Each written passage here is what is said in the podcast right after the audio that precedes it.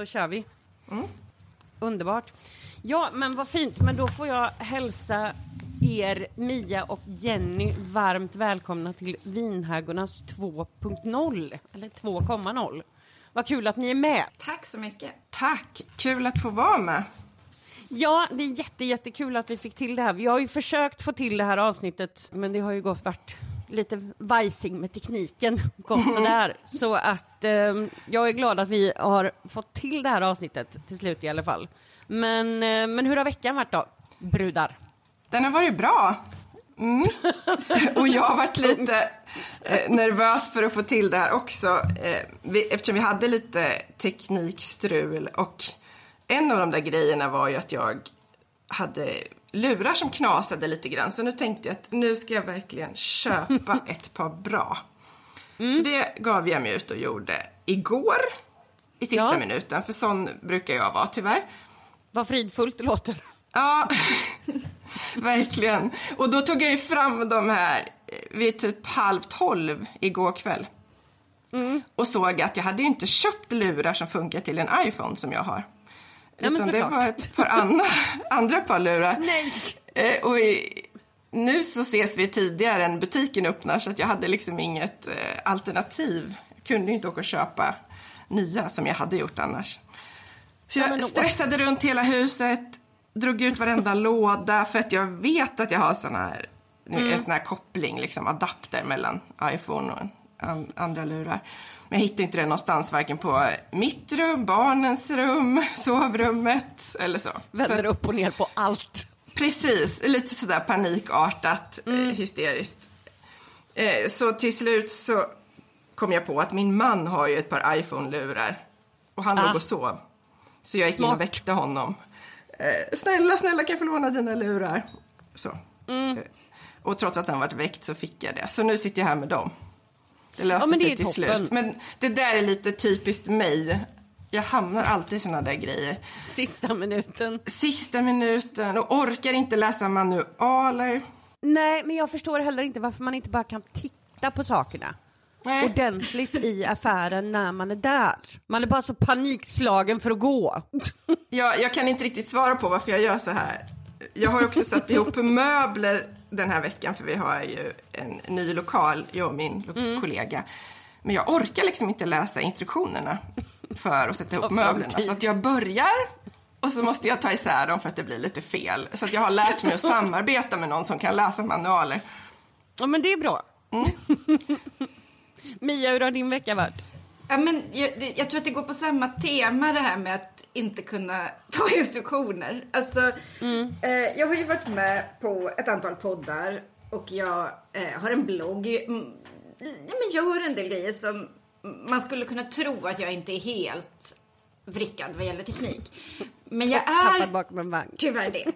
Eh, så att det, inför den här inspelningen, alltså jag behöver, jag har liksom två saker jag behöver. Jag behöver plocka fram en mick. Jag behöver öppna ett ljudprogram. Eh, min man behöver göra det här varje gång. Eftersom jag inte vet hur man gör. Ja, men, men det vet jag för att det är väldigt, väldigt mycket ropande på just Josef när vi ska försöka ja, men alltså, och det är ju inte svårt. Alltså jag kan ju ta instruktioner för andra saker. Men just det här, det är som att det bara swish. Nej men vissa grejer det är som att det, är, det, det är som att det går till någon sån här sinkhole eller liksom eh, svart hål i hjärnan Ja. där bara all information försvinner. Nej men och jag kan minnas, alltså jag minns saker från min grundutbildning. Att så här, det filtreras 180 liter primärulin genom liksom njursystemet. Så. Eh, de här sakerna kommer jag aldrig glömma. Det kan man fråga mig på min dödsbädd. Men Ja. hur man tar fram ett ljudprogram och pluggar in en mick. Ja. Där har jag någon Nej men det slags, blir o- omöjligt. jag har någon slags demens. Selektiv demens Ja. på, på just när det kommer till teknik. Det är nog samma som jag har tror jag. Men hur har du haft det, Annika? På tal om demens. Ja, om på tal om selektiv demens. Åh herregud. Ja, nej, jag har ju varit i farten sen nu för att jag lyckades ju tappa min eh, telefon i badrumsgolvet. Nej. Klinkers. Så den gick ju, den gick ju jättesönder. Ehm, och då är ju problemet att jag vet om att jag liksom måste åka på plats till affären, som vi säger där jag kommer ifrån. Ehm, till affären betyder det på stockholmska. Tack. Tack. Nej, varsågod. Eh, jo, nej men så jag måste, jag inser ju det att jag måste liksom, nej men till Nordstan i Göteborg, som Åh, är nej. den absolut värsta platsen jag vet i hela världen. Det finns ingenting som jag genuint avskyr så mycket. Jag har ingenting positivt att säga om det överhuvudtaget, för det är folk överallt, 700 miljoner grader varmt, det är ljus och lampor och färger och intryck. Är det är mardröm. Så jag kommer dit i vilket fall då. Nej.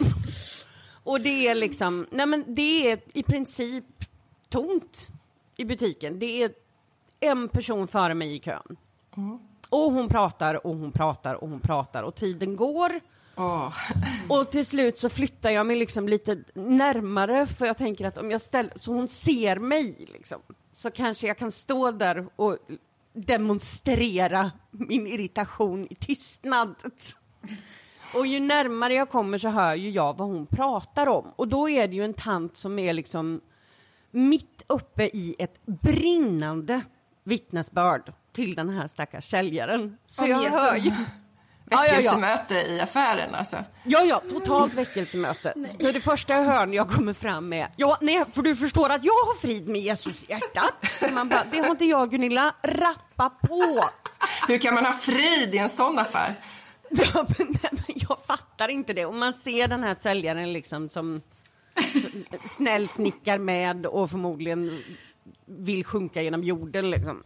Men efter mycket om och men så har hon, är hon färdigmissionerad så hon går därifrån.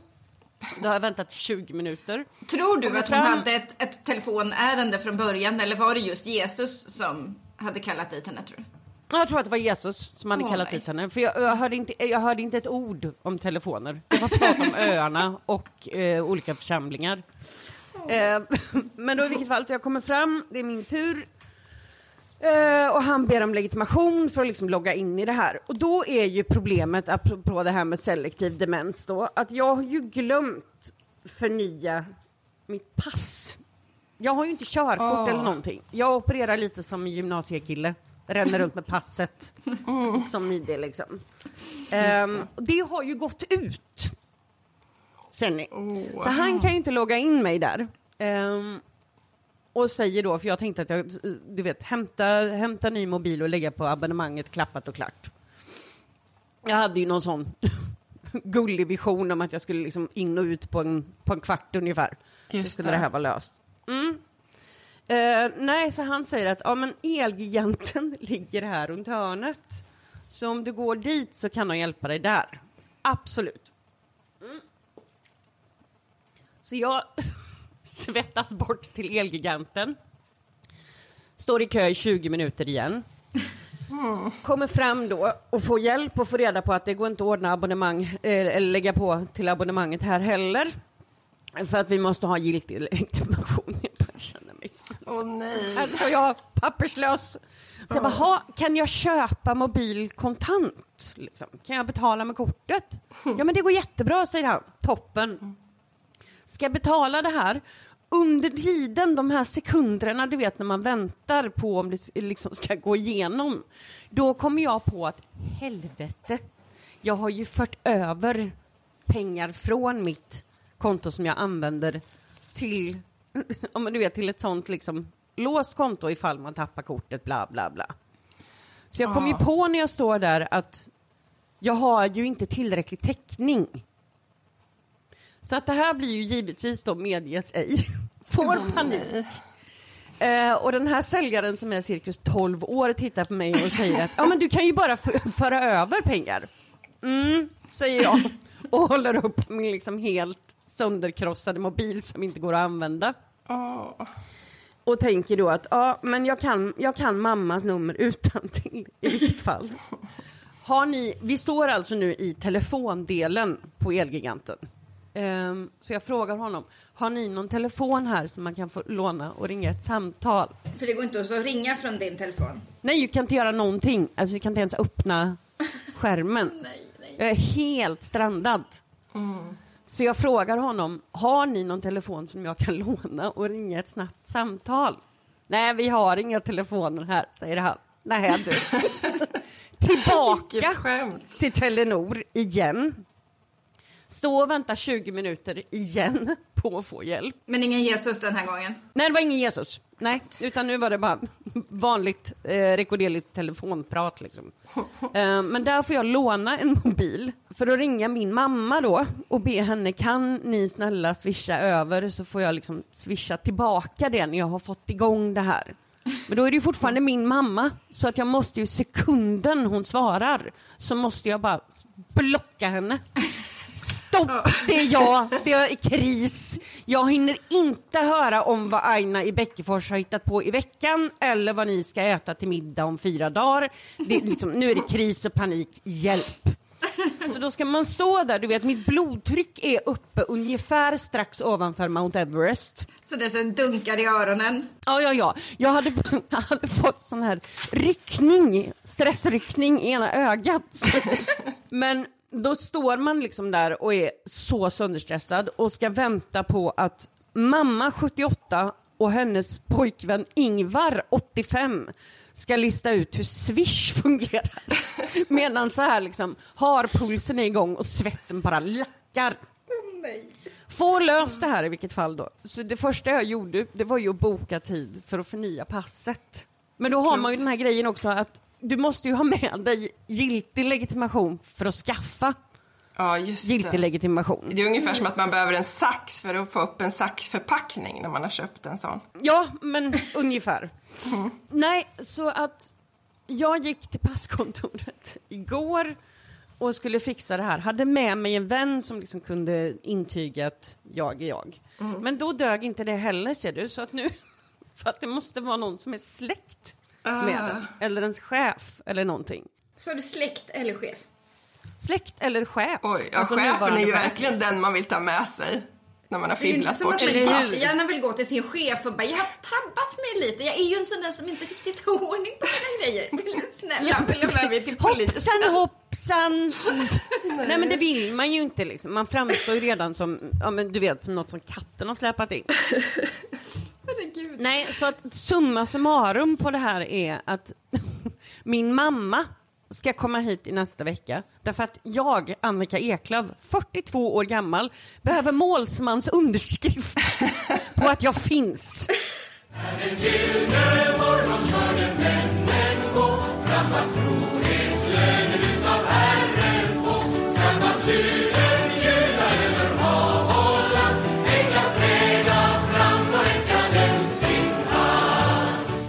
Då ska vi se här. Nej, men Mia och Jenny, ni är ju hitbjudna för att ni som eh, specialister jag har kallat in gardet här vet ni. Ja, Ehm, Jenny, du är ju specialistsjuksköterska för Ja. barn och ungdomar med kompetens inom sexologi. ja precis. Ehm, och du jobbar även med föreläsningar och sådant. Mm. Eh, och Mia, du är ju specialistfysioterapeut inom gynekologi. Yes. Du är ju också bloggare och även författare. Eh, och lite allt möjligt. Det är många tjusiga titlar här. Men du föreläser ju också. Ja. Eh, ni är ju hitbjudna därför att vi ska ju prata lite idag om eh, Ja, men vad ska man kalla det för? Vad sa vi? Det altruistiska samlaget kom vi Ja. fram till sen. Men just ni det. skrev ju en debattartikel som publicerades i tidningen Dagen i höstas som det blev eh, lite rabalder kring. Ja. Eh, Jenny, vill du berätta mer om det? Ja, men precis. Eh, Den här frågan när det gäller sexualitet, eh, kyrkan, skam och att kvinnor ofta får ont vid sex, det är någonting som vi har följt ett tag och jag och Mia har pratat om det här eftersom vi jobbar med liknande frågor. Eh, men sen så dök det ju upp en serie artiklar i Dagen som handlade om sex på kyrkan. Precis. Och det var några som skrev om att om man bara lever enligt Bibeln och följer de här reglerna så kommer det bli bra när man har sex. Och det är det här vi måste Mm. lära våra ungdomar. Eh, Just vilket vi reagerade på. Mm. Eftersom vi vet att det funkar inte att bara vänta tills man gifter sig och sen ha sex. Så att vi ville problematisera det här lite och ge vår syn på det. Och framförallt Precis. problematisera vad som händer när man får skam över sig själv och sin sexualitet. Ja, precis. Nej, men mycket, mycket det här, för att ni, ni tog ju upp det också i den här artikeln, att eh, enligt en studie i USA var det va? Ja. Så visade det sig att evangelikala kvinnor är eh, ganska gravt överrepresenterade när det kommer till eh, samlagssmärtor Ja. och den biten. Men vill ni, vill ni berätta lite mer om, eh, om just de här delarna? Ja, men jag tänker att mycket utgår ifrån renhetskulturen eller renhetsläran. Som ju Precis. är vänta med sex förrän du gifter dig. Eh, all sorts sex som inte är en, liksom, mellan man och kvinna i ett äktenskap är synd. Även onani kan vara synd. Ehm, ja men och massa sånt. Eh, som ju liksom ger en massa ringar på vattnet. Förutom att vara liksom en teologisk tolkning så ger den massa andra följdeffekter. Eh, och som Jenny nämnde, skam och allt det som händer med liksom, skammen i en människa. Eh, Precis. Men också tänker jag att det som blir, det som blir för att man, man får ju säga det också att det finns ju grader i helvetet. Det finns ju ehm, vissa församlingar ha, tar ju lite lättare på de här frågorna. Men man får ju lägga till det att det som, den bakgrunden som vi kommer ifrån, eh, där var det ju så pass hårt hållet att eh, onani ansågs vara en jättesynd. Eller det roliga var att det, det var egentligen inte själva den fysiska akten Nej. av onani, utan det var vad tänker du på när du gör det? ja, men det är mental otrohet mot din kommande partner. Exakt, och det är en sån himla viktig grej att vi fick ju faktiskt lära oss att om vi liksom onanerar och tänker på någon annan så är vi otrogna mot våran blivande partner. Ja, eh, det blir en sån väldigt, väldigt märk... Det är en väldigt märklig logik bakom det här, men det här blev vi liksom ganska indoktrinerade i, Ja. får man väl ändå säga. Precis. Och då är ju lite problemet att är man så hårt hållen att man inte får ha någon som helst alltså sexuell utveckling på, på något sätt, inte lära känna sig själv eller sin partner. Sen är det att man ska då gifta sig och då ska allting gå från noll till hundra. Då ska det vara så himla supertoppen och det är väl lite där som skambiten kommer in. Därför att du kan inte vänta dig att en person ska ha 0, 0, 0, 0, 0 och sen tjong i medaljongen så ska allt vara igång samtidigt. Liksom. Nej, det funkar ju inte så. Det Nej. är intressant också när du säger får, för det är väl egentligen det som är själva grejen. Att någon annan Mm. bestämmer vad jag ska göra och inte.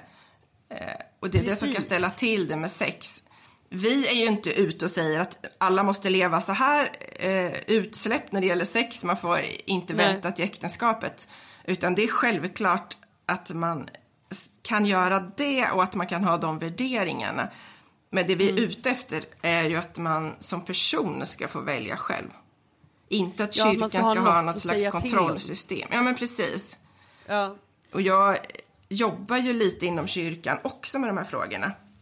Jag Mm. undervisar både inom skolan och elevhälsan men också inom kyrkor till ungdomar och vuxna. Och det som jag möter är ju också just det där att ungdomarna behöver få fatta sina egna beslut. Det kan de själva uttrycka. Om, man, om man inte är uppvuxen i det här Mm.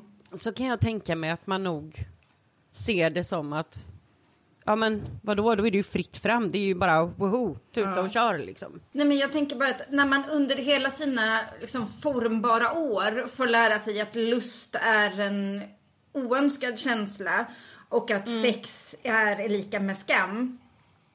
Så kan man liksom inte bara ställa om på en handvändning eller gen, genom, under en bröllopsnatt liksom.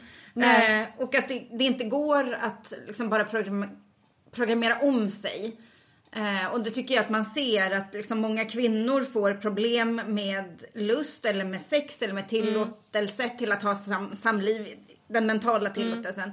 Och många män istället får problem med eh, menar, att involvera en partner eller att tillfredsställa en partner.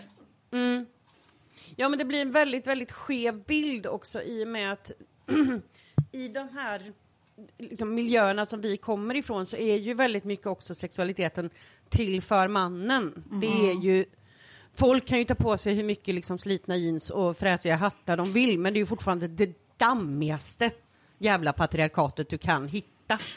Oavsett hur häftigt det liksom är inpaketerat.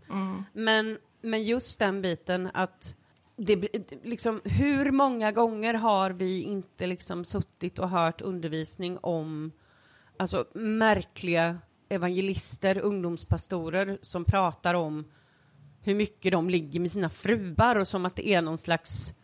Det finns ju en liten tradition av det här med att ställa upp. Det som i vanlig folkmun kallas för husfridsexet, det känner väl de flesta till liksom. Nej men för att jag tänkte, tänkte lite på den, den biten att det blir, precis som du säger Mia, att har man varit präglad på det här så länge där lust är en synd och sexualiteten får liksom enbart ske inom de här och de här ramarna. Då blir ju problemet att sen då när du har liksom kommit till den punkten, du har gjort som du har blivit tillsagd, du har blivit gift och sen så blir det inte så där fantastiskt som alla sa att det skulle vara. Det blir ju lite, jag tänker ju på den här, eh, ja men, har ni hört den här gamla historien om elefanten på cirkusen? Ja, du får gärna dra den. med, med snöret runt, runt foten. Ehm, och då är det ju den här klassiska, liksom, kan ha en elefant med, med ett snöre. Det här händer ju inte, men det är ju en sån metafor liksom. Ehm, men då är det ju det här att har du präglat den här elefanten från barnsben och haft en kedja och slått den när den har försökt gå. Då blir du till slut liksom, fängelset flyttar sig från själva foten till, till huvudet. Så att då behöver du inte lika extrema medel för att hålla, hålla den i schack. Och, och lite på ett sätt så fungerar det ju med alltså att växa upp i de här hårt hållna religiösa miljöerna som vi har gjort. Mia, du är ju du jobbar ju som specialistfysioterapeut inom gynekologi. Alltså hur, hur jobbar du liksom? Och vad är det, vad är det vanligaste för liksom skador som kan uppkomma? Ja, men när, det, när, jag, när jag jobbar med samlagssmärta så är ju det som en fysioterapeut mest jobbar med är ju när man är liksom muskulärt spänd och tillstängd liksom. Att musklerna på något sätt spänner till i ett självförsvar för att ja, men, penetration tidigare har gjort ont eller man har varit med om ett övergrepp eller det är den här skambiten att kroppen liksom nästan sluter sig som en mussla av skammen så att eh, det blir för trångt för införing av tamponger eller penisar eller så. Eh, Är det det som kallas för vaginism? det är det som är vaginism. Eh, Och där jobbar jag ju med en väldigt fysisk approach. Eh, men det går ju aldrig att liksom, plocka ut det fysiska från eh, allt det andra. Alltså, Nej. där jag kan prata om skam och sånt men det, jag behöver också ofta koppla in andra eh, professioner i det. Men där vet man att karismatiskt kristna, om man ser på amerikanska studiepopulationer så har karismatiskt kristna större förekomst av smärta vid samlag. Eh, faktiskt så har man större förekomst av samlagssmärta hos individer som väntar med sex tills man gifter sig. Eh, Och också att karismatiskt och konservativt kristna söker vård för det här i mycket lägre utsträckning än andra. Eh, och där kan man ju Precis. tro att det har att göra med den här Evas förbannelse och att på något sätt ingår att det ska göra lite ont och vara lite lidande i Ja. eh, samliv eller reproduktion.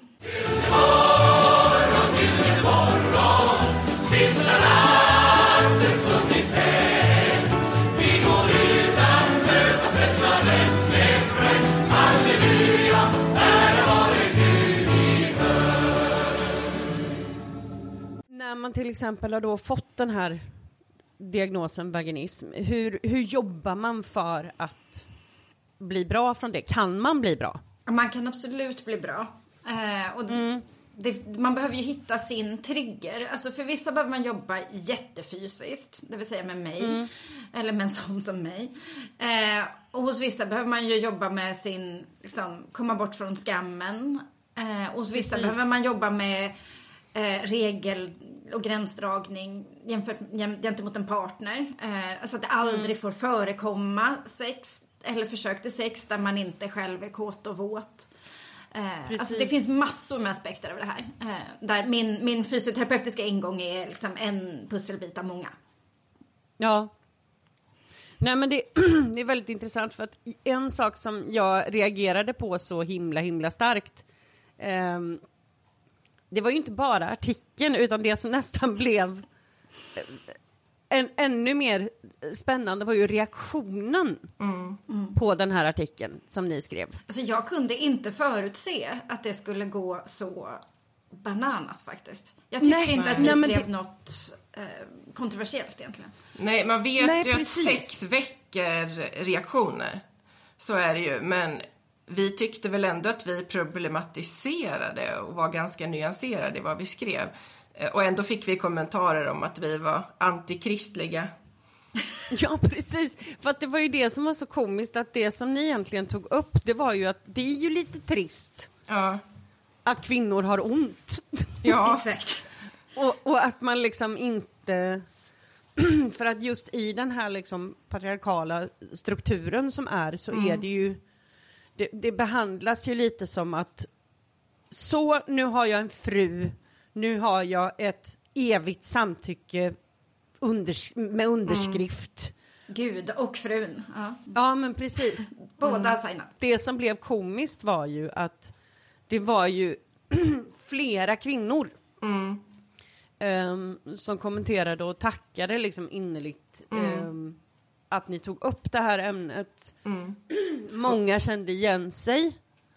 Och sen så klipper vi då till andra sidan med en hord av världens argaste män som var sån här Ska du ta ifrån mig det heliga äktenskapets fördelar? Det var helt vansinne. ja. Eh, för deras reaktioner var ju just den här om husfridssex liksom. Att man ska ställa upp för varandra. De skulle ju aldrig säga att det handlar om husfridssex. De skulle ju säga att det handlar om något slags gudomligt. är det Paulus som säger det här att så tillhör inte längre kvinnan sig själv, hon är mannens. På samma sätt tillhör inte mannen sig själv, han är kvinnans. Och det här har de liksom tolkat till något slags evigt, evigt samtycke. Vad, var eran, vad var eran reaktion när ni såg vilket rabalder det blev? Ja, det är ju... Det kändes lite dubbelt tycker jag. På ett sätt kändes det ju bra att vi skrev det här när man märkte att det behövdes. Eh, och samtidigt så blir man ju lite ledsen av de kommentarerna. Inte för vår egen Ja, skull. För vi, vi kan ju skaka av oss det. Vi vet ju vad vi håller på med så att säga. Men det var sorgligt att se kommentarsfältet när det var så många kvinnor som kände igen sig. Och i samma kommentarsfält är det män som skriver att de här kvinnorna minsann måste ställa upp. eh, Och kan Ja, ha lite precis. ont. Det gör ju ont att läsa. Ja men och Ja, inte men bara verkligen. ont utan det är oroande för att det är ju en Ja. Jag tycker att det är en förövarmentalitet att man Oh ja. bara inte ser smärtdelen av det här utan bara nej, men jag har rätt till sex. Alltså för mig ringer det alla klockor av liksom, förövarskap i det. Alltså, det är ju liksom min, min generella ståndpunkt att är du en man som är okej med att sex gör ont på din partner, Mm. då ska du inte ha sex. Då behöver du söka Nej. terapi. Och du ska inte ha en partner heller. Nej. Men det är, det är ju det som blir så konstigt därför att eh, mycket av de här kommentarerna som var, det handlar ju om att det blir en sån märklig grej tänkte jag på också därför att en sak som återkom liksom, förutom då alla kommentarer om att ni liksom förespråkar själviskhet och n- liksom nu har feminismen gått för långt och nu är individualismen här och ska liksom förstöra mitt heliga knull för resten av livet, bla bla bla.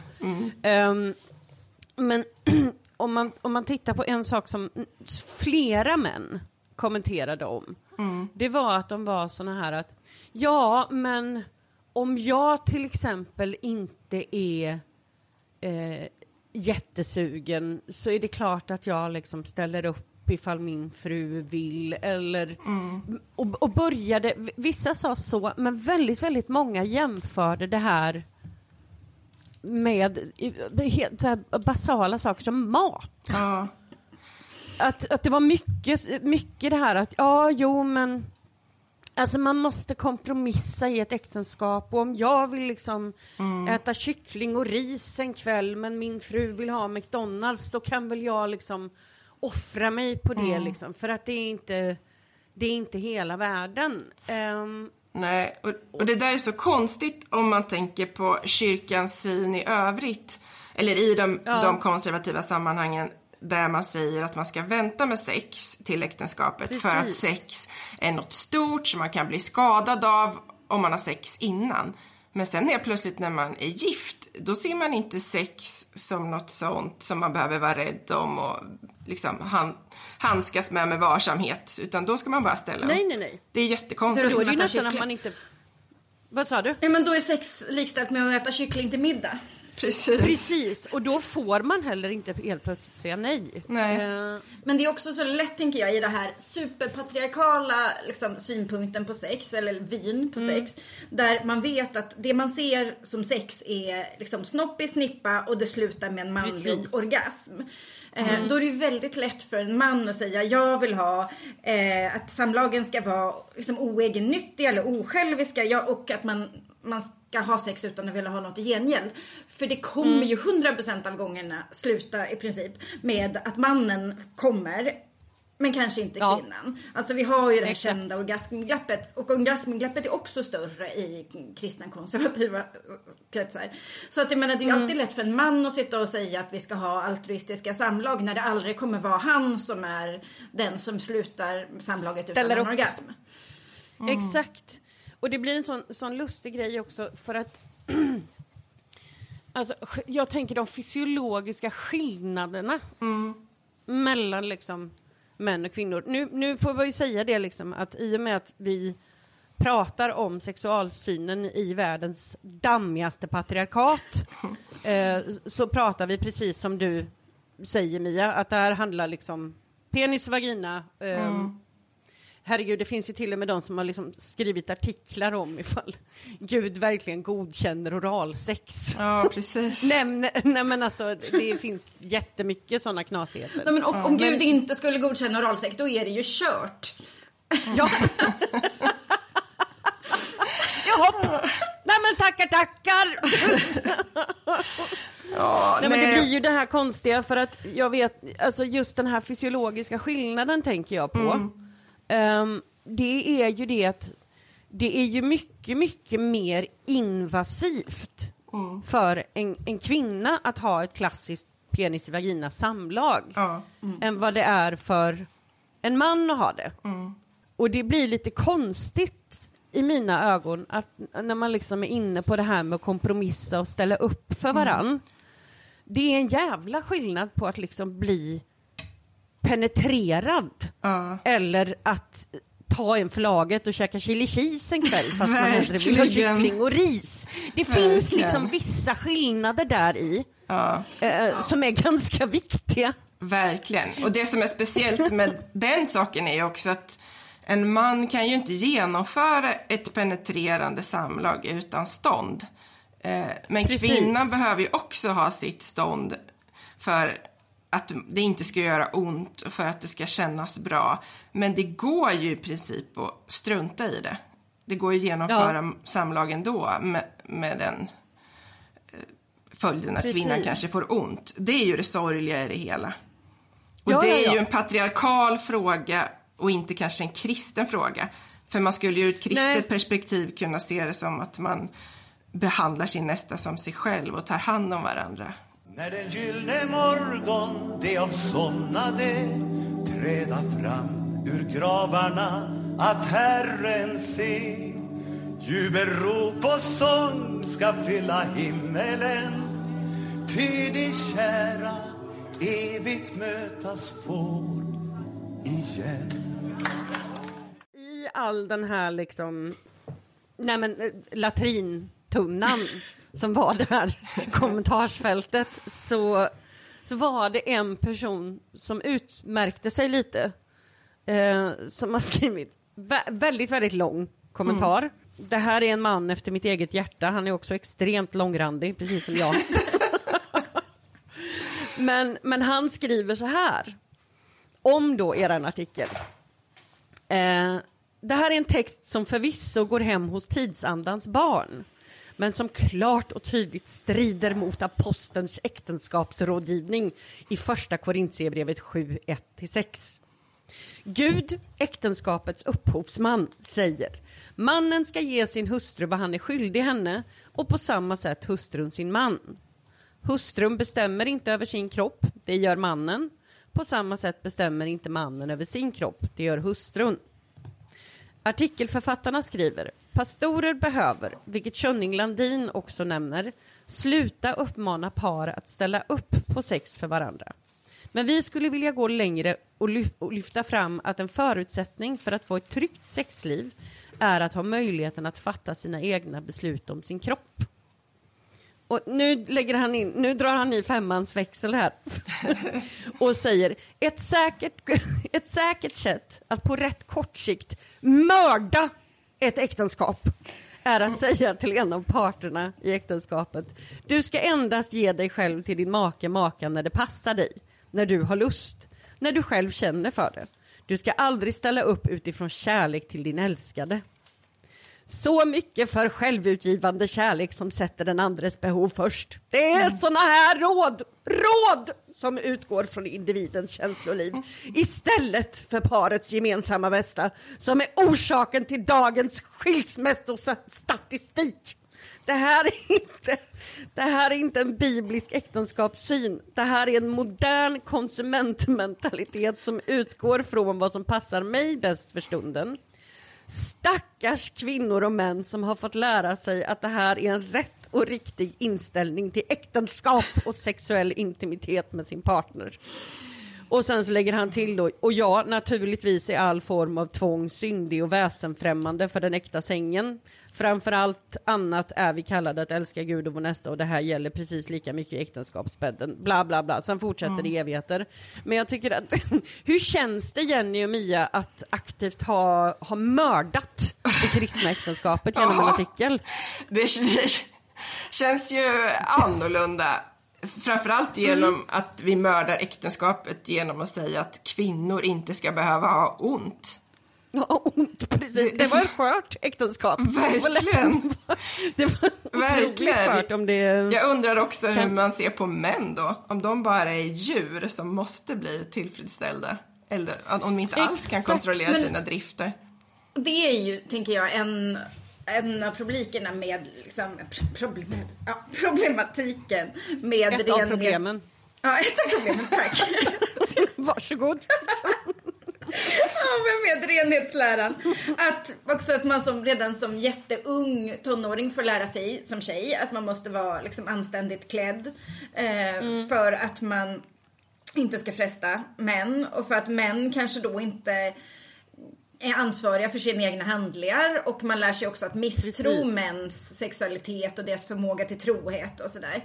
Eh, Vilket ju också blir liksom en väldigt negativ syn för män att ha på sig själva, att de skulle vara någon slags djur.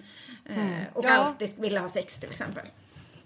Men också i det så, så dyker det ju liksom upp de här bitarna med, alltså sy, just synen på kvinnan tänker jag. För att Ja. då blir det liksom att om du växer upp, inte bara det, utan du får, vi har ju också, antar jag alla, för vi har ju varit med i samma galna församling, Ja. ehm, Karisma. Precis.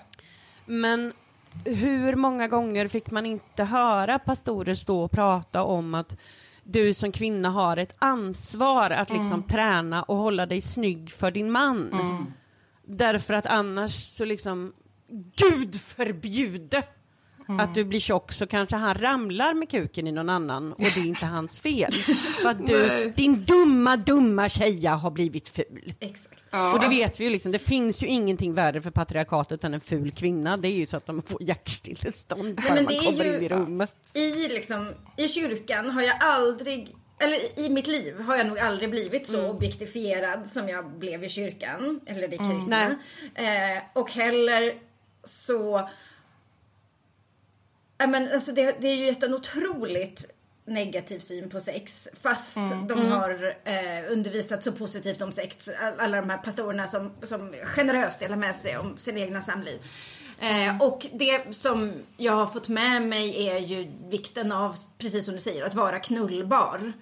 Alltså jag måste vara, jag måste vara, jag måste vara, ja men konkurrenskraftig. Precis. ja. Men just den här grejen också som, som var väldigt, väldigt mycket i Karisma. Eh, vad, vad var det han sa, Andreas Nielsen alltid? If better is possible, good is not enough. ja. Visst var det så? Ja. Och i den här grejen, alltså så var det ju hela tiden att det blir så hysteriskt maxat att leva i den. ja. För att det ska liksom vara, allting ska vara bättre. Enda sättet att vinna människor för Gud är om allting är bättre i kyrkan. Det ska vara snyggare tjejer, det ska vara... Men det obehagliga är att alltså den här, man kan tänka att den här sexualiseringen liksom av tjejer är för liksom personer som, ja men som kanske är i liksom, vad ska man säga, giftas-sugen ålder eller någonting sånt. Men den går ju så långt ner i åldrarna. Det är där som det blir väldigt, väldigt obehagligt också. Att just det här liksom med vuxna män som går och klagar till pastorer på att 14-åriga tjejer har på sig stringtrosor Precis. eller någonting sånt. Ja, det är ju verkligen så att barn får inte vara barn om man ser dem som sexobjekt när de är små. Exakt. Jag tror inte att man fattar att man håller på att sexualisera som man gör i sådana Nej. sammanhang. Och det blir också väldigt, väldigt konstigt när kyrkan löser det Ja. genom att inte säga till den här gubben liksom. Nej, att vet precis. du vad, om, i just det här fallet så kanske det är du som ska liksom sluta titta på 14-åriga tjejers rövar. Verkligen. Som är det stora problemet, inte att hon ska byta underkläder. Nej men verkligen, vad är det som är synden? Eh, och Mm. det där har jag funderat en del på på sista tiden. Eh, när jag också träffar ungdomar som befinner sig i kyrkan och när vi pratar om de Mm. här frågorna. Jag håller på med en liten studie på ämnet också. Så är det just den här synen på synd. Och vad är det som är synd? Eh, det, Mm. Man kan ju tänka att synd är att man gör en annan människa illa. Eller att man gör sig Ja. själv illa. Eller så. Men ofta så ser man synd som att man orenar sig själv. Så att om, Exakt. om någon tittar fel på en tjej eller skulle tafsa på en tjej så ser man det inte som att eh, man har gjort något illa mot henne utan jag har orenat mig själv. Det är det som blir så Precis. sjukt. Och det är det man måste få syn på. Vad tänker man om synd? Handlar det om liksom mannens värdighet och hans sinne inte ska nedsmutsas? Eller handlar det om hans sunkiga människosyn när han ser tjejer som ett Exakt. objekt? Men det kan vi ju se, alltså det kan vi ju se liksom i jätte- jättemånga olika fall. Vi har det här, men alla 7000 skandaler som är Hillsong till exempel. Eh, Hillsong New York, det var, det var ett ställe. Ehm, men där är det ju hela tiden det här att det är tjejer som blir utsatta och sen så skyddas männen. Ja men där låter det ju, som- alltså i Hillsong så låter det ju verkligen Ja. just sådär som du säger att de liksom, man bara råkar halka med kuken in i någon. Ja, precis. Alltså det är ju liksom, det är ju verkligen så ojsan hoppsan mentaliteten. Det är ju aldrig någonsin Oj, oj, jag ramla. Ja, exakt. Och det är ju inte, alltså alla vet ju att så här, har man sex så har man i något Mm. steg tagit ett beslut. Eller vänta, jag vill bara ändra mig. Har man gjort ett, begått ett övergrepp så har Ja. man också fattat beslut. Ja men precis, men just det, precis som du säger att det är liksom väldigt, väldigt sällan som man bara, nej men ho- ojsan hoppsan, nu råkade jag backa på en kuk här. Det var så oväntat. Jag, jag tänker på en sån här historia jag hörde från, eh, från akuten om alla män som kommer dit och har stoppat upp massa grejer i röven och då var det en som kom dit och hade liksom, hade blivit baksug så han hade fått upp någon schampoflaska och hade som ursäkt att han hade duschat tvålat in ögonen så han kunde inte se riktigt och hade då backat och vips. Och då vill jag, jag menar bara det att det, det, där, det, det där är väl lite, det hör till ovanligheterna. Ja. Att man bara går för att köpa mjölk och, och sen så, nej men hoppsan, en Och penis. så råkar det hända.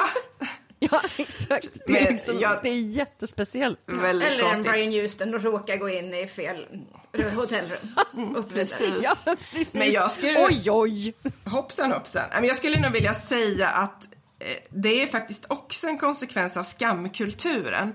Eh, För om vi pratar lite mer om skam så handlar det ju om att man själv som person känner sig fel. Att man får med sig det här sedan man är liten, att det är något fel på mig och min sexualitet. Och då kan man ju antingen bli så här hämmad, gå och gömma sig och kanske som kvinnorna man ser sig själv som mindre värd och man får kanske sen samlagssmärtor. Men man kan också hantera skammen genom att man får ett liksom beteende där man inte kan stå ut och man vill ha massa sex istället. Att man går till synden då om man ska precis. kalla det så. Eh, Att man kanske blir porrberoende eller något sånt. Så att skam kan ju föda en massa saker.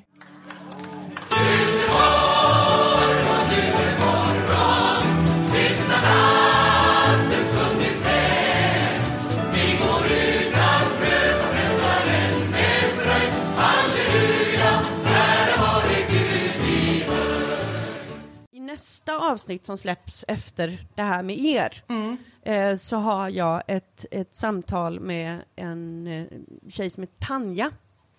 Eh, där, vi, där vi ska prata liksom, ja, men lite om olika sätt att eh, utforska sin, sin sexualitet och allting sånt om man har lämnat i vuxen ålder och, och liksom med, med flersamhet och, och allting sånt.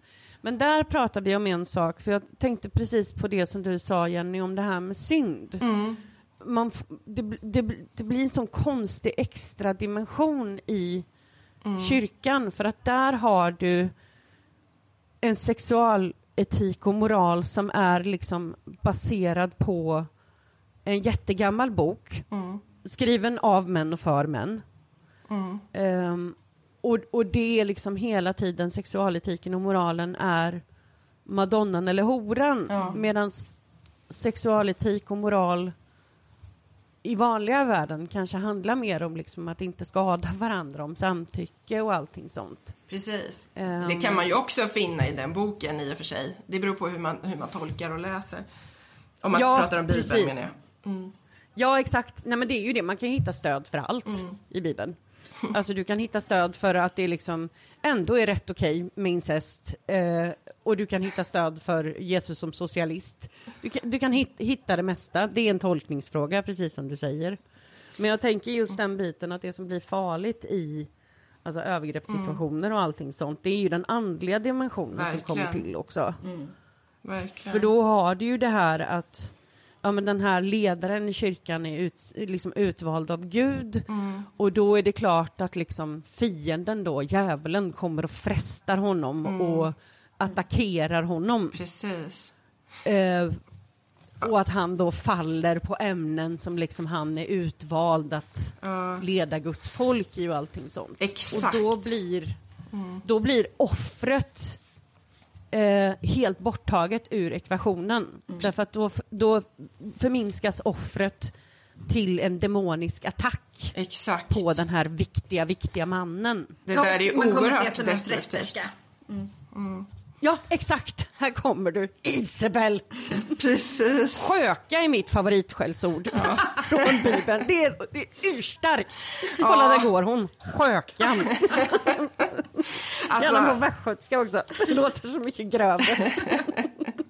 alltså jag tror att de flesta som är med inom kyrkan och frikyrka eller så kanske inte känner igen det här talet. Men det var ju faktiskt det vi fick lära oss i karisma.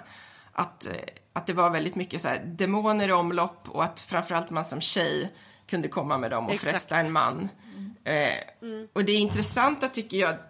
Jag har förstått att jag har gått väldigt mycket till det här området eftersom jag i karisma har förstått vad det innebär när någon går över ens gränser. När jag själv fick vara med om andliga övergrepp och så har jag förstått Exakt. att människors integritet kan kränkas både andligt och sexuellt. Och det känns så viktigt att man får behålla sin, sin integritet. Och i, när de här ämnena Precis. hänger ihop så blir det extra vidrigt liksom. Ja men verkligen. Men alltså jag tänker det, Mia, du som jobbar mer fysiskt. Eh, alltså har du, har du patienter och sånt som liksom har mycket av den här problematiken eh, som, som kommer från en religiös bakgrund? Jag kan tänka mig att jag har haft fler än vad jag har pratat med. Det ingår ju inte i min vanliga liksom, anamnesmall att fråga om religiös tillhörighet eller sådär. Nej. Det är hundra, fo- hundra fokus på Fajdi. ja, eller i alla Och fall på annat. fysiska Ja. saker. Ehm, alltså i och med att jag inte är terapeut eller sexolog så liksom, Precis. Men det kommer ju fram ibland ehm, och då liksom eh, eh, ja. Alltså jag, jag kan ju aldrig ge mig in och liksom freestyla lite som terapeut, terapeut men jag, jag kommer ju ändå liksom ja, men, diskutera de sakerna också då. Ja, precis. Jag kan ju säga det också. Vi kommer, jag kommer länka igen, jag har länkat det tidigare på Vinhaggornas Facebook och eh, Instagram. Men du har ju en blogg som heter Baking Babies. Yes. Och du gjorde ju en inläggsserie om just eh, samlagsproblematik och religion. Eh, så jag kommer länka till det. Men jag tänker lite, Jenny, du är ju du är ju specialistsjuksköterska och, och är just jobbar med barn och ungdomar. När du pratar i, ditt, i din yrkesroll, ehm, stöter du på de här problemen? Vågar unga prata om det? Hur ser det ut i din yrkesroll? Ja, jag skulle nog säga att eh, de ungdomar som eh, är med i en kyrka och liksom följer hur man ska leva och så tycker jag att det är helt okej då. Men det är flera som har uttryckt att de senare har upplevt att nej men jag kände ju bara skam inkring, omkring mig själv. Så. Ehm, och att de får problem senare med sex. Precis. Eh, men också att de kan uttrycka det här att jag behöver ju få välja själv. Ja. Ja, hur viktigt det är att... Alltså, jag tror inte att folk som inte har levt i det här kan förstå hur det är att till hundra procent bli fråntagen rätten till sig själv. Till, alltså, för att man får inte glömma det att det är ju en del i den kristna läran, självutplånande. Ja, Att du ska få bort jaget så att du kan bli uppfylld med helig ande och Jesus ska vara... ja, men då ska man också tänka på, om man tänker på tonåringar så är de i en väldigt Ja. svartvit period. Så om man säger till en Precis. tonåring att det är viktigt att ni väntar, då tänker de så här, jag ska göra det här 100 procent. Eh, jag Ja. ska bli bäst på det här. Så jag har också hört tonåringar som har sagt att nej, men jag ska inte kyssa någon innan jag gifter mig. För jag ska göra det här helhjärtat. Eh, och om man tar en sån fråga som onani så vet jag, eftersom jag har frågat runt bland lite pastorer, eh, så vet jag att de ser olika på det här. Älskar det med dig! Ja, hej, det var Jenny igen. Du, hur känner du? Ja, jag vet. Hur har det här mottagits? Är man i mitt nätverk då får man Fråga stå ut med om jobb. ändå lite känsligt. Alltså jag tycker ju att man ska få ha sin integritet så jag brukar ju inte fråga dem hur de har det med sin egen onani. Utan mer vad de tycker om frågan. Eh, Och då har jag märkt att det är väldigt olika. Eh, Och kanske ibland så har män en mer tillåtande inställning. Och det kommer jag ihåg från när jag växte upp att man kunde säga att "Ja, men killar kan inte hålla sig, det är tillåtet att de onanerar. Eh, Men tjejer Precis. kanske ofta blir så här att nej men jag ska vänta och det här som vi pratade om innan, att man ska hålla det sig fanns till sin man. Ja. När jag växte upp, det, det fanns ju inte ens tal om det. men alltså, det det, var, det var Nej. som att det inte fanns. Nej, det är precis. Det är som att kvinnlig sexuallust inte finns. eh, exakt. och är onämnbar. Men en sak som jag Precis. vill återknyta till det som Jenny sa. Det är, och det här är en studie från en amerikansk kontext också på, på liksom, karismatiskt konservativa. Eh, men när man jämförde liksom själv upp, eh, alltså folk uppgett själva liksom tid eller ålder för sexualdebut så skilde det typ ett halvår mellan eh, sekulära ungdomar och karismatiskt kristna ungdomar. Så att liksom, även om man då försöker liksom, trycka under sin sexualitet så är det ju liksom väldigt många som inte lyckas. Eh, Ja. För att det är ju faktiskt inte något som är liksom, som man bara kan, som att säga jag ska sluta spela bandy. Man kan inte säga jag ska sluta ha sexuell lust. Nej, precis. Eh, och det är ju också en, en extra snurr eller en extra aspekt på det här med skam. Att det går ju inte att komma, för, komma undan sin lust eller sitt driv. Nej. Nej, Men en annan Precis. tanke om onani som jag har det är ju också det här med att om man lär sig att Gud ska se allt och, att om man, alltså att han både också ser vad man tänker och vad man gör så blir ju onani lite jobbigt för att man tänker att man har en, en gudom som också zoomar in. Står och tittar på Ja, Och det blir ju också lite jobbigt om man tänker att man faktiskt ska ha sex med någon. För det är ju som att ha någon sån här peeping tom som står där och registrerar. Ja, men det är ju, Det är ju ganska inte avtändande så faktiskt. lite övergreppet. det är ju alltså... Och det, det finns ju så många aspekter av det där. Jag tänker också just den här biten, men jag vet att vi pratade någon gång om hur knasigt det, det blir liksom när sexualundervisning också alltså inte utgår ifrån ett kliniskt, kliniskt perspektiv Nej, utan från ett jag-perspektiv. Och det är ju så många delar, alltså det här dammiga patriarkatet lyser ju så himla starkt igenom specifikt där. För jag vet ju inte hur många liksom pastorer som har varit uppe och pratat om sina sexliv och deras snygga, snygga fruar. Eller så har de pratat om hur eh, min fru är inte så snygg men sen sa Gud åt mig att vänja mig och nu har vi det toppen. Ja. Jag har aldrig... har ni hört en enda pastor stå och nämna min fru är så rolig eller smart eller driven eller kreativ? Nej, det är ju oftast utseendet. Eller att bara att Ja. hon är god i allmänhet. Eller bra med barn. Precis. Men det är Ja, men ju precis. verkligen en kränkning av integriteten det här. Det är ju både en kränkning av fruns integritet men om man berättar om sitt sexliv så kränker man ju människors integritet. Vi kanske inte vill höra vad pastorn har gjort i sängen. Det ska vi få slippa Nej. liksom. Jag tänker att det man för inte man- får när man har, när man har, den undervisning man har är eh, pastorer som säger ha inte sex. Eh, eller berätta för vidlyftigt om sitt eget sexliv. Det är ju, och liksom att annat man hör är din sexual liksom, lust och ditt, din drift den är farlig och kan förleda dig till fördärvet. Det är ju att man liksom får man höra massor med saker som är mest negativa. Och man får inga redskap att tolka kroppen, att förstå sin luft, att följa, lust att följa med sin luft eller att liksom få en guide till att fatta goda beslut. Utan man får bara Exakt. en massa nej. Och när du väl har gift dig så har du ett evigt ja. Signerat. Precis. Nej, men det, blir, det blir jättespeciellt. Och sen, Men hur började era, hur började här liksom de här tankarna gro, alltså det, att ni börjar samarbeta lite där?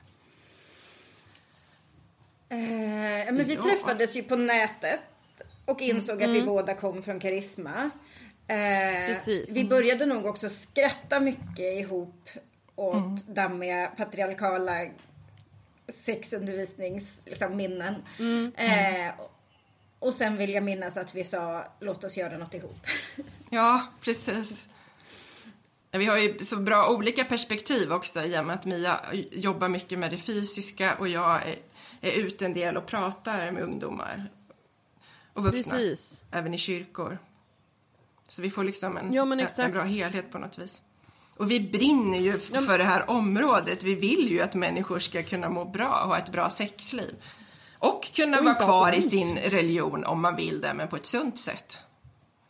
Ja, precis. För att det handlar ju om, det ska man, ju- det ska man ju säga också, att eh, ni lägger ju ingen värdering i hur människor väljer Nej. att leva sina liv. Precis. Det är ju inte så att ni står och flaggar för att eh, om du liksom inte har haft gruppsex inom 16 så är du li, lite Nej, efter schemat här. Verkligen chop. inte så. Nej, men, och det, är ju, det tänker jag att är den här rädslan som vi möts av i dagens Mm. kommentarsfält. I, liksom, I den här konservativt kristna synen så är det ju att allt som är avviker från det som man tycker är rätt. Det är, liksom, det är helt Precis. skallöst fel. Mm. Så att vi säger så här, nej men vi tycker inte att man ska ställa upp på sex och de tycker att det är obibliskt. Då blir det genast som att vi hamnar i facket av liksom total liksom Mm. sexuell lössläppthet.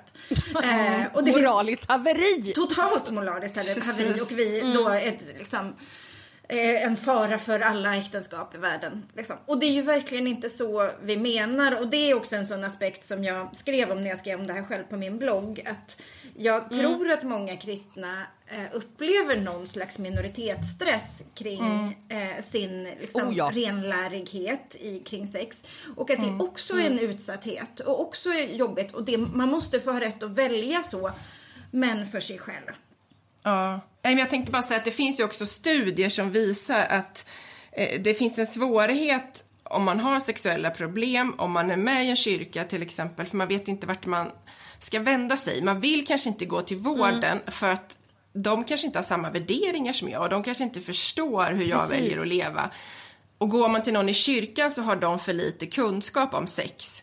Så därför är vi för att man får lite mer kunskap om sex i kyrkan och att man inom vården får lite mer kunskap om religion så att man kan möta de här frågorna. Ja, verkligen. Det är jätteviktigt. För jag tänker att det blir väldigt sån här glapp eh, mellan stolarna. Ehm, och man får inte glömma bort det heller att eh, det är ju många unga människor i kyrkan. Jag vet inte hur det är nu. Jag ska fråga dig om det sen, Jenny. Men jag minns ju att vi uppmuntrades ju att vara, uppmun- vara liksom öppna med att eh, man stod för inget sex innan äktenskapet och allting sånt. Och jag kan i efterhand se hur otroligt mycket det skadade min integritet. För jag hade inte fått lära mig att det är okej att säga jag vill inte prata om det här. Eller det här har ingen med att göra. Utan man fick liksom sitta där och lyssna på skrockiga eh, personer. På, för man skulle ju vara med överallt på fester och sånt liksom. Och visa att man kan minst ha ett vanligt liv även om man är frälst. Ja, men, och det, man blir ju exotifierad. Jag menar, sitter man där och säger på en fest där alla kompisar hånglar hej vilt och så säger man så här, nej men jag ska hålla på mig tills jag gifter alltså, Man blir ju som ett djur på zoo. Och alla Ja. vill plötsligt veta allt. Och sen skrocka lite åt en och det är ju otroligt kränkande. Precis, och jag minns det här liksom just att det blir också, då blir det också en sån där eh, hysterisk översexualisering för att någon väljer att inte ha det. Ja. Och då blir det så otroligt mycket, mycket fokus på, ja men du som ser bra ut liksom, vill du inte, du, vet hela den, och då blir man nästan till slut som, eh, som, som så här, ett pris. Ja, precis. Äh, liksom den som lyckas sätta, äh, det blir jät, jätteskevt. Jag vet inte, har ni sett den? Det finns en dokumentär på, på HBO som heter Friends of God Nej. som handlar om eh, den evangeliki- eh, evangelikala rörelsens eh, framfart inom politiken i USA och allting sånt. Eh, men det var en så intressant grej där för att där är det det är det här typiska liksom karismatiska pastorn som står och pratar om att ja, men evangelikaler har, det finns forskning som visar på att vi har bäst sexliv i, av alla i världen liksom. Och så står han där med två snubbar och alla står och skryter om hur mycket de ligger med sina fruar. Och den här pastorn frågar de här männen, Va, hur ofta när ni ligger eh, uppnår din fru orgasm? Varje gång säger båda och skrattar och man bara, lilla älskling, du har ingen aning. hur man fejkar liksom for dummies, men just den här grejen att att, du vet, det, det blir så otroligt komiskt för då är det verkligen så här, ja men den här intervjuaren är ju lite så här sjukt obekväm och skojar lite om att jaha men det var värst vilka hingstar det finns här. Och alla tre liksom står och skrockar självgott. Så ofräscht. Otroligt ofräscht, jag kände för att duscha i klorin när jag hade sett det här. Men, men det blir så intressant också för att i slutet av den här dokumentären eh, när han har liksom, den här pastorn varit framme och malt på om familjevärderingar och att vi ska liksom leva efter Bibeln och allting sånt så visade det sig att innan den här dokumentären hade släppts så hade han åkt dit för att ha eh, sex med en manlig prostituerad. Hoppla. Och det här är ju lite någonting som vi ser gång på gång på gång. Att man kan liksom inte... Ju mer man försöker styra och stävja en persons sexualitet, förr eller senare så, så pyser det ut. Ja. Och på något sätt så kan mitt hjärta gå ut till honom också, som uppenbarligen är homosexuell och har liksom kört den här Nej, men det är, det är ett val jag tar och jag väljer att gifta mig med en kvinna och vi ska ha det liksom så bra. Men det, det är... Sexualiteten är så starkt kopplad till vem man är som människa också. Absolut, och, och där finns det ju verkligen en smärta. Och det behöver man ju Exakt. se över i kyrkorna, tänker jag, oavsett vilken syn man har, vilken äktenskapssyn man har, så behöver man ju se att bland de här människorna så finns det människor med olika läggningar och det finns alla möjliga olika människor och man måste få finnas. Man kan inte bara liksom prata om mallen och tro att alla passar in i den för att man säger att det är så. Nej men precis. Men i ditt jobb Jenny, eh, för jag tänker lite på det här med, med alltså unga pojkar som växer upp i det här också. Säg att du växer upp och, och liksom är ja, men, mjuk. Ehm, Lite, lite ängslig, kanske inte har den här liksom testosteron Jan Emanuel-grejen liksom. Eh, utan att du är mjuk och lite försiktig och liksom in, kanske inte har den här man får ju faktiskt klart att liksom man har en sexualdrift alla, men det finns ju, det finns ju grader av det. Och vad gör det, också, vad gör det liksom med en ung pojke som, som växer upp i den här grejen? Och får reda på att mannen vill alltid, mannen är alltid Precis. redo. Det är liksom det här 24-7 ståndet som aldrig liksom... Precis. Vad, vad gör det med ens manlighet på något sätt? Ja, men det är en jättebra Om- om fråga man- Mm. och jag tänker om man nu har de här stereotyperna och att man undervisar utifrån en person om man i kyrkan Mm. inte har kunskap om sex så blir det ofta som vi har pratat om nu att det är pastorn som berättar om sin eh, sexualitet och hur ofta man har sex och så. Och då är det ju den bilden, Mm. den normen man får. Och om pastorn då säger att i vår vårt äktenskap funkar så att jag vill ha sex hela tiden men inte min fru. Då blir det ju som du säger att man får det här med sig och då kan man känna att det är fel på mig om man inte vill så ofta. Det där skiftar ju mellan individer om man, vill, om man har mycket lust Precis. eller lite lust och det kan också skifta genom livet. Det finns ju också folk som är asexuella. Eh, man bör ju ha med sig det här att det finns inte en mall och därför behöver det finnas en bredd. Exakt. Och att normer skapar någonting oavsett om vi säger att man ska avhålla sig från sex eller att man ska ha sex jättemycket. Nej men det roliga just med eh, liksom, vad man uppger själv, hur ofta man har sex, så, fin- så finns det ju studier på, eh, alltså i, i generell befolkning, där de flesta uppger sig, nej men jag har sex eh, två gånger i veckan, säger vi, eh, i regel. Och sen så zoomar man in och frågar, okej hur har det varit de senaste två veckorna? Och då har de flesta inte haft sex eller kanske en gång varannan Nej. vecka eller någonting sånt.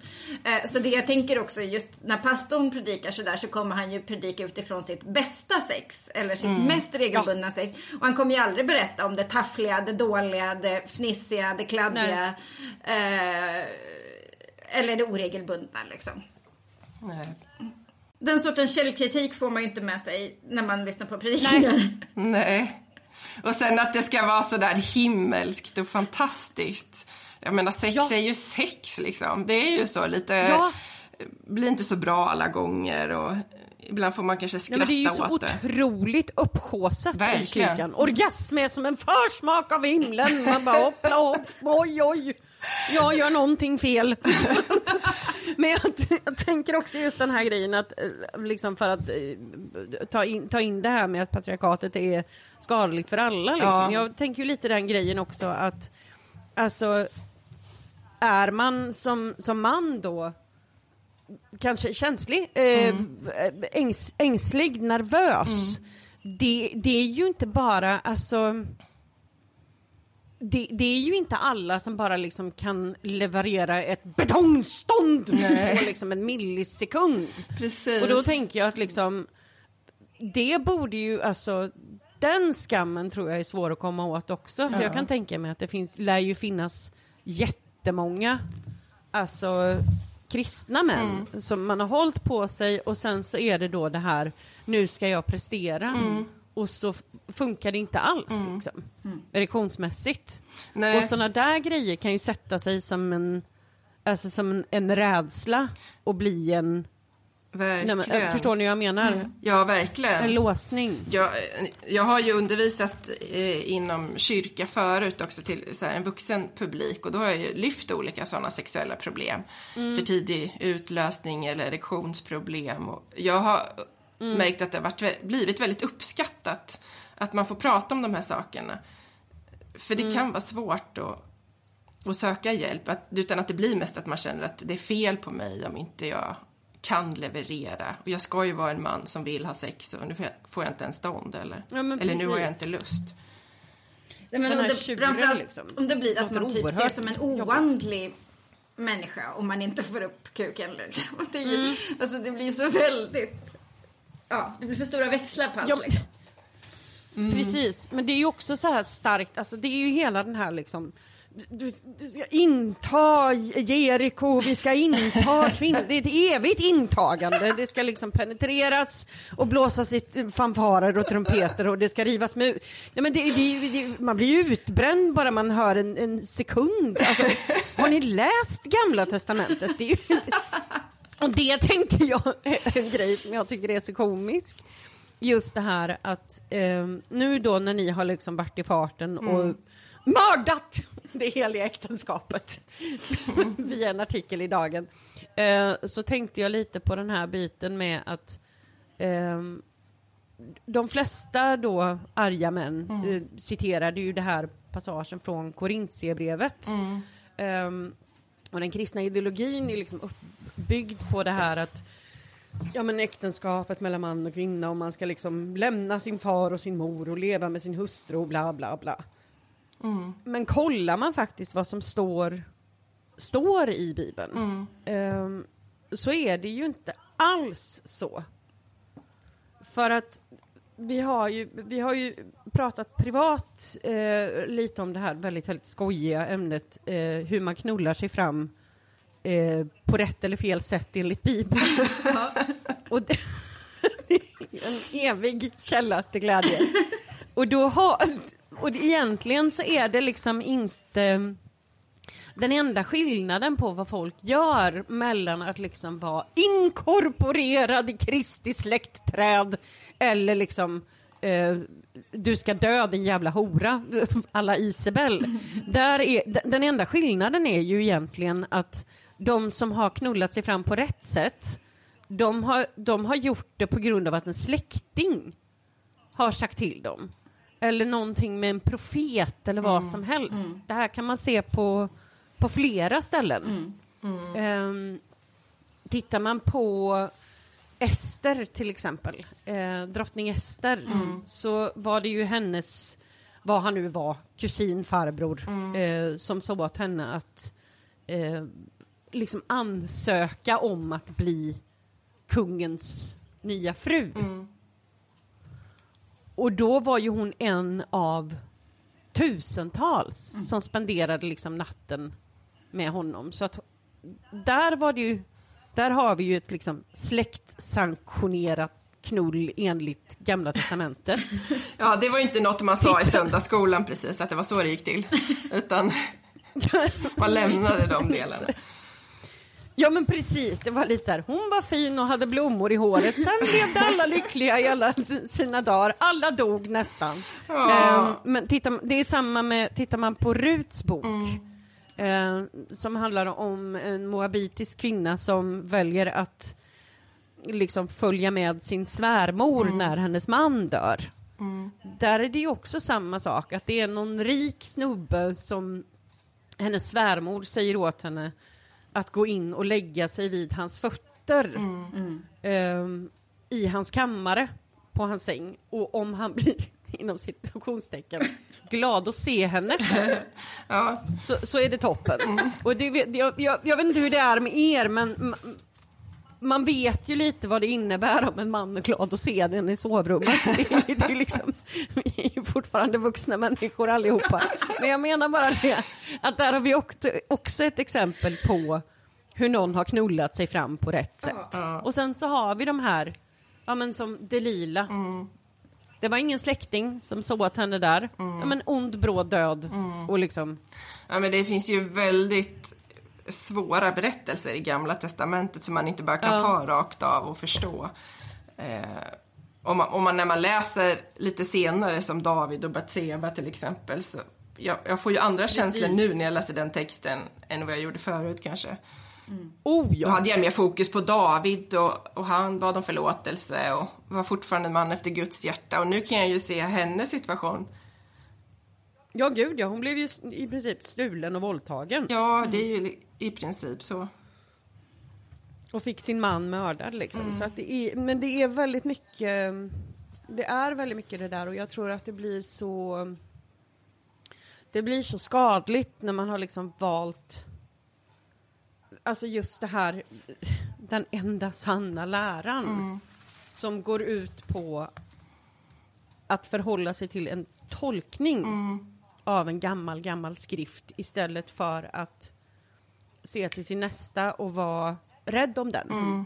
Ja, och se till ramen kanske. Vad är ramen för Bibeln? Att vi faktiskt ska Ja. älska varandra, se till sin nästa. Och sen måste man kunna prata om de här frågorna utan att bli livrädd att man ska gå utanför rätt tolkning. Ja men precis, det blir ju lite den här gyllene regeln liksom. Behandla andra som du själv vill Precis. bli behandlad. Och det är ju inte jättemånga liksom som, Precis. Men det nu håller jag på att säga något väldigt grovt. Men det är ju väldigt intressant överlag hur man tolkar Bibeln. Och man, framförallt om man tänker Paulus som är liksom den stora moralläraren. Där om man Ja. tänker eh, teologi alla vinhaggorna så säger ju, har Mm. jag alltid sagt att man ska läsa liksom, versen innan och versen efter. Och läser man liksom Ja. Paulus om all, Paulus alla uttalanden om sex så kan man ju bli väldigt såhär, oj ja, här var det klart och tydligt, allt är fel förutom sex mellan man och kvinna. Men då har man ju också hoppat över verserna innan och efter, eller stycken innan och efter som handlar om slavar eller liksom, alltså det är ju den där cherry pickingen som pågår Ja. där man alltid tycker att man har rätt att välja vad man vill ha i sin teologi. Liksom. Ja. Nej men det blir jätte, exakt som du säger att det är helt sjukt att vi lever i ett samhälle där det liksom fortfarande hbtq-frågan fortfarande debat- debatteras. Men just den här grejen om att äga slavar, precis som du säger, den är, den är liksom alla överens om. Att det där är gammalt och det där är helt knasigt, men jag ser liksom inte så många av de här kommentarskrigarna på dagen som är runt och, och förespråkar eh, att få äga slavar. Nej, man borde ha med sig den ödmjukheten tänker jag. Att, att det är komplexa Exakt. frågor. Tiden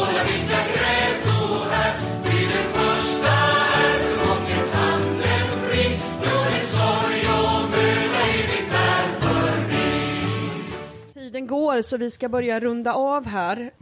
Det har varit helt fantastiskt att få ha med er och eran kompetens i avsnittet. Jag är jätte, jätte, jätteglad för det. Eh, jag kommer ju länka till eh, era liksom, jobbsidor på Vinhaggornas Facebook och Instagram. Mia, dig hittar man på Baking Babies.